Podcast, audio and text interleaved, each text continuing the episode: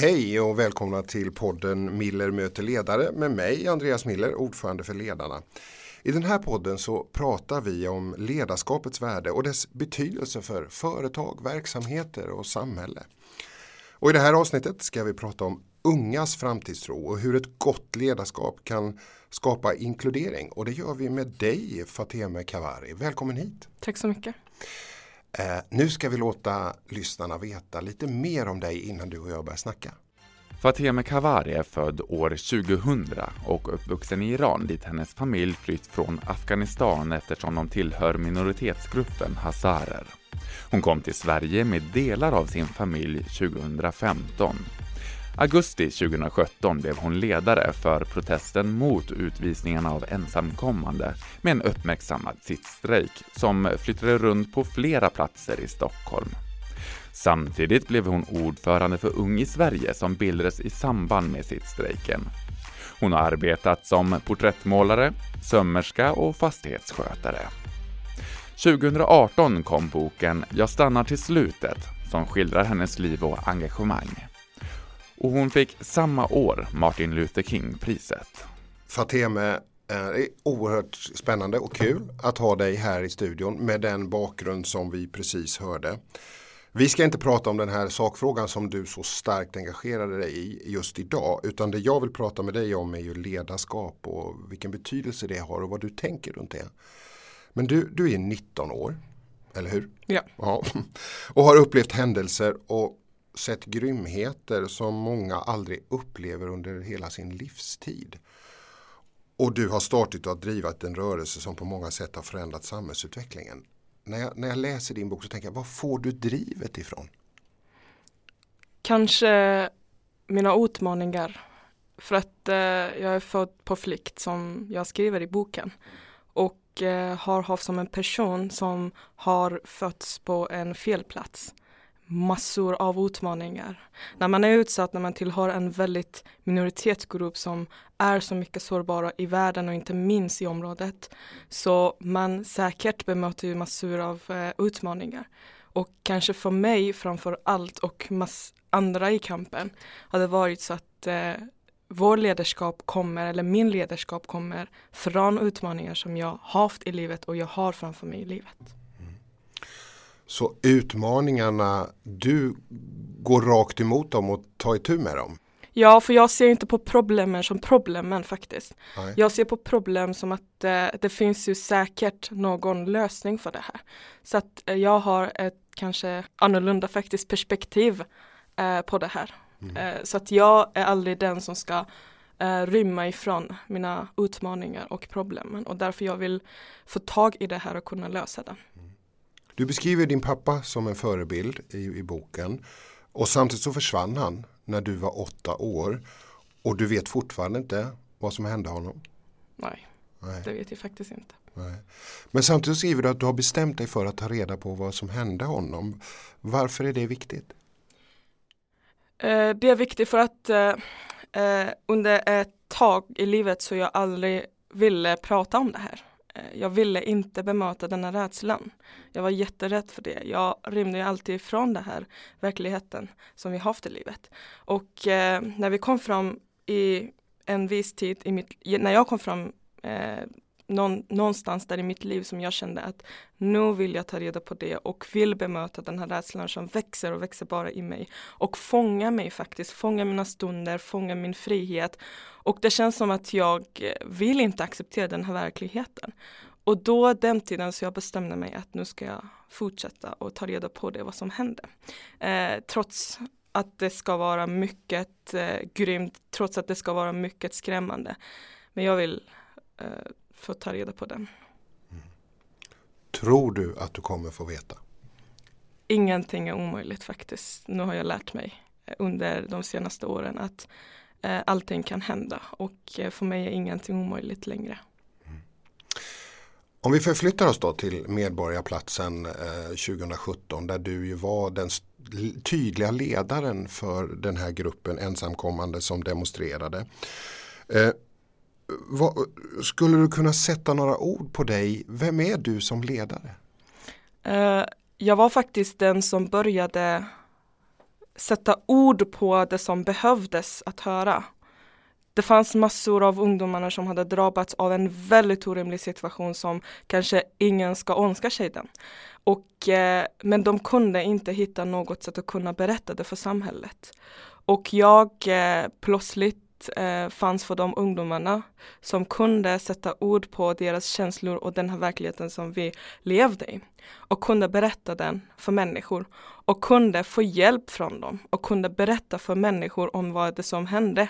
Och eh, jag kunde faktiskt eh, sätta ord på verkligheten och kunde motivera människor att kunna följa oss, mm. att hjälpa så, oss. Så att kunna kommunicera, att kunna få ut budskapet, det menar du var en, en viktig del för dig som ledare? Ja, det var det. Och sen samtidigt så eh, hittade jag ett gemensam punkt där i mitten att vi ska inte vara unga afghaner i Sverige och vi ska vara ung i Sverige.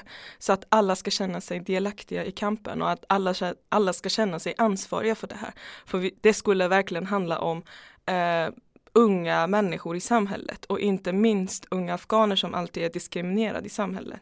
Så att eh, kommuniceringen var en av de viktigaste punkterna jag kände att jag eh, lyckades med. Och samtidigt så jag eh, var så ärlig mot dem. Och eh, jag var den som stod mellan dem och berättade om de viktiga beslut vi fattade tillsammans. Och att eh, det var ingenting gömt ifrån dem. Och jag lät dem veta allt som hände. Och samtidigt så eh, jag hade alltid varnat dem eller jag hade alltid eh, berättat för dem att eh, och gett dem hopp och eh, håll det här hoppet eh, eh levande vid situationen. Och att jag var väldigt självsäkert i den här situationen. Samtidigt så var du det gentemot dem. Men om man läser din bok så fanns det ju stunder då du tvivlade. Och då du kände, jag måste vara stark gentemot gruppen. Men inuti dig så fanns det en oro. Hur, hur, hur klarar du det? Att hålla den där oron för dig själv eller inte, inte låta den gå ut över gruppen? Kärlek och mina vänner haft en väldigt, väldigt eh, viktig roll i den här situationen. För att eh, de stunderna som jag tvivlade och eh, ville gå lite tillbaka så var just vänner som tog hand om mig och eh, fanns för mig i närheten och jag kunde så lätt släppna av och prata med dem och sen eh, kunna få tillräckligt med kärlek och stöd för att kunna fortsätta vidare. För att jag är också en vanlig människa som ibland behöver sitta, släppna av och kanske till och med känna sig hopplös. För att kunna förstå är skillnaden mellan hopplösheten och hoppet. Och eh, de stunderna som kände mig väldigt uppgiven och väldigt mycket hopplös så vände mig till mina vänner, mina nära vänner. Och det var de som gett mig stöd och kärlek så att jag kunde fortsätta. Det här var ju också på många plan väldigt tufft. Det fanns ju, det fanns ju väldigt många som var väldigt kritiska till dig eh, på sociala medier och det fanns till och med de som ville ju ta till våld mot er och eh, du blir också hotad troligtvis av en av dina egna demonstranter och du hotas av nynazister. Eh, och i stort klarar ju du av att behålla lugnet i de här situationerna. Hur, hur, hur gör man det? Eller hur gjorde du? Eh, jag trodde verkligen på icke-våld-principen i just kampen som vi förde. Och eh, eh, första natten vi pratade om eh, icke-våldsprincipen med ungdomarna så vi själva gemensamt bestämde att eh, vilken sida ska vi stå på om vi ska bli attackerad av de extremisterna och eh, vi gemensamt bestämde att vi ska vara den icke-vålddemonstranter som vill ha en fredlig demonstration. Och eh, när vi bestämde det, så vi bestämde inte bara eh, med ord utan vi bestämde det med våran hjärtan och eh, allt som hände, den här lugnen som du pratar om nu som fanns i över ett års kamp, nu snart två år, så var det bara på grund av att eh, vi gick på den här linjen vi själva bestämde och vi själva trodde på. Jag trodde på den här icke-våldsprincipen som en del av segern och jag gjorde det och jag gör det fortfarande. Sista natten hemma innan du startar den här sittstrejken, sen tar det ganska lång tid innan du sover hemma igen. Så vänder du dig till din mamma och så säger du så här, be för oss, säger du. Och sen mm. går du. Eh, vad betyder tron för dig? Eh, det betyder mycket faktiskt. Eh, jag vände mig till mamma och bad hon, henne att eh, hon ska be för oss för jag verkligen eh, började så ärligt. Jag började så ärligt att sitta på gatan. Som sagt, jag var inte den politiska tjejen som skulle haft alltid för sig och bredvid sig och kunnat börja kämpa för att lyckas. Utan att eh, jag började som en 17-åring tjej som inte kände till samhället tillräckligt och eh, var kanske till och med mycket rädd om vad är det som händer framöver. Och eh, vi började mycket ensamma. Mm. Och vi var det mest utsatta och vi var det mest sårbara. Så att eh, som sagt, eh, jag började så ärligt. Och eh, så mycket så att jag sa det från mitt hjärta till min mamma att liksom bara be för oss. Jag visste ingenting om vad, är det som, vad ska det som hända. I den här podden Millemöter ledare tar vi upp trender som påverkar ledarskapet på olika sätt. Eh, och något som många talar om är ju de krav som dagens unga kommer ställa på framtidens ledare. Vi har ju sett Greta Thunberg som ställer jättetydliga krav på framtidens ledare den senaste tiden. Vad, vad, vad tycker du? Vad utmärker en bra chef? Uh eh, om jag ska utgå från mina egna upplevelser under mm. tiden mm. och de ledaren som jag har sett eh, i politiska områden. Så det enda som kanske är en av de viktigaste kraven jag vill sätta på mina ledare och de som ska jag se upp till att leda eller, eh, eller följa dem. Så är det att de ska välja modet. De har verkligen, jag har inte sett modet eh, sedan jag börjat sitta på gatan. Så mod ska en bra chef ha. Ja. Vad mer behöver en bra chef? Jag tycker att den måste vara självsäker. Mm. Och den måste lyssna på oss. Lyssna. Eh, ja. Att ge oss också rätten att kunna välja. Mm. Och att, eh, att den ska vara en ärlig människa också. Det är väldigt viktigt. Du säger i boken att en av de största upplevelserna i ditt liv det var när ungdomarna kallade dig för deras, att de kallade dig för deras ledare. Mm. Eh, kan du beskriva den känslan? Jag känner mig så ansvarig. Mm. Jag kände att eh, nu är det dags för Tema att bara fortsätta och leda och fatta beslut och vara självsäker och nå resultatet den dag de kallade mig för ledare. Så jag tog verkligen avstånd från mitt vanliga och mitt bekväma liv den dag faktiskt. Vad var det som var så stort med det tyckte du? Att människor ser upp till dig. Att människor ska ha hoppet på dig.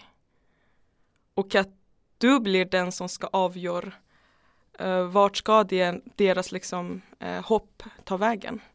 Så att det var den, nog en av de största upplevelserna jag någonsin har gjort i mitt liv. Ledarna, vi som organisation, vi pratar mycket om vem kan och vill bli chef och vi talar om att yngre människor måste också bli chefer och ledare. Eh, allt, vi måste få en mycket bredare bild av vem som kan och vill vara chef. Vad, vad, tycker du att, att samhället behöver göra för att unga ska vilja leda och ta rollen av att vara ledare och chef? Ibland kanske behövs inte mycket att göra utan att ge platsen till dem. För jag tycker själv att en bra ledare är den som ska skapa fler ledare. Och att eh, jag själv som en ung talesperson och en ung ledare kände det faktiskt från början. Att de lite gamla personer kom och för att de tyckte att det var lite för mycket för mig att kunna ta så stor ansvar kanske jag inte kan klara det. De lät inte mig att eh, med min kompetens ska visa dem hur går till om jag ska leda den. Utan att de ville med sina egna fördomar mot min kön, mot min bakgrund och mot min ålder skulle ta den här rollen ifrån mig och de försökte göra det. Så att ibland kanske det behövs inte mycket att göra utan att ge dem chansen och ge dem platsen och låt dem vara den ledaren de vill vara och de har kompetensen att vara. Så att eh, jag själv tycker, eh, om jag ska utgå från mina egna upplevelser, bara, ge dem, bara, bara ge dem chansen.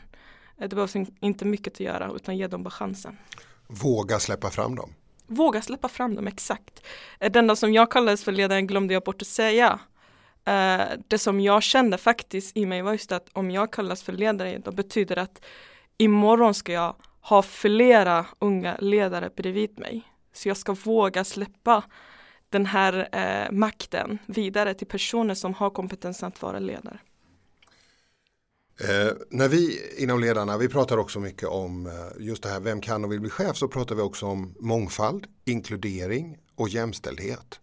Eh, det handlar helt enkelt om eh, de, vi tror att det är väldigt viktigt att vi har ett jämställt samhälle. Mm. Att vi har ett samhälle där både du och jag och andra kan vara chefer och ledare. Eh, och när jag läser din bok så, så, så, så skriver du så här i inledningen av din bok så skriver du så här att jag tillhör de mest utsatta i världen. Jag är tjej, jag är från Afghanistan, jag är född på flykt, jag är muslim, jag bär hijab, jag är hazar, jag är på noll. Mm. Och ändå så blir ju du där på Medborgarplatsen och i tv-kanaler och radiokanaler en brygga mellan de som är allra längst utanför samhället och etablissemanget. Vad är det som gör att du blir den där brobyggaren? Eh, jag har ett stark vilja så att det kan flytta på bergen. Jag brukar höra också från människor som känner mig. Och det kanske var någon av de viktigaste punkterna i det här.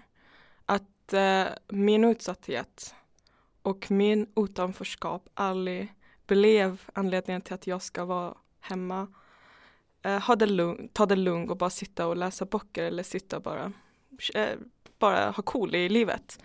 Utan att det var helt tvärtom. För jag såg hur samhället funkar. Eh, jag har faktiskt fortfarande den lägsta eh, eh, stämningen i världen. Jag vet det. Jag har det faktiskt. Både utseende men också bakgrund och livet och allt. Men det är absolut ingen hinder för mig och inte för någon annan. Och det också berodde, berodde faktiskt på att jag bestämde att eh, det ska inte vara hinder för det. Och eh, det finns ju massor av människor som har samma ställning som mig i världen. Men de är lite rädda för att eh, den här klyftorna har ökat i samhället. Splittringen har ökat mycket i samhället. Jag känner ju mina vänner, nära vänner som nu är mycket stressade när de ska lyssna på någon politisk debatt på tv. När de ska följa någon nyhet. Så de är rädda för att vad ska de komma fram till faktiskt. För att det, det är inte så fin situation nu i samhället. I den här i den här kampen som ni gjorde då 2017 så, så är det ju också så att det handlar också mycket om, för dig om jämställdhet. Mm. Att du som kvinna så tydligt kliver fram och att du som kvinna med, från Afghanistan och Hazar kliver fram. Och du får ju väldigt mycket kritik från ska vi säga dina egna just för att du är kvinna. Mm. Vad tänker du om det? Eh, det var väldigt vanligt faktiskt.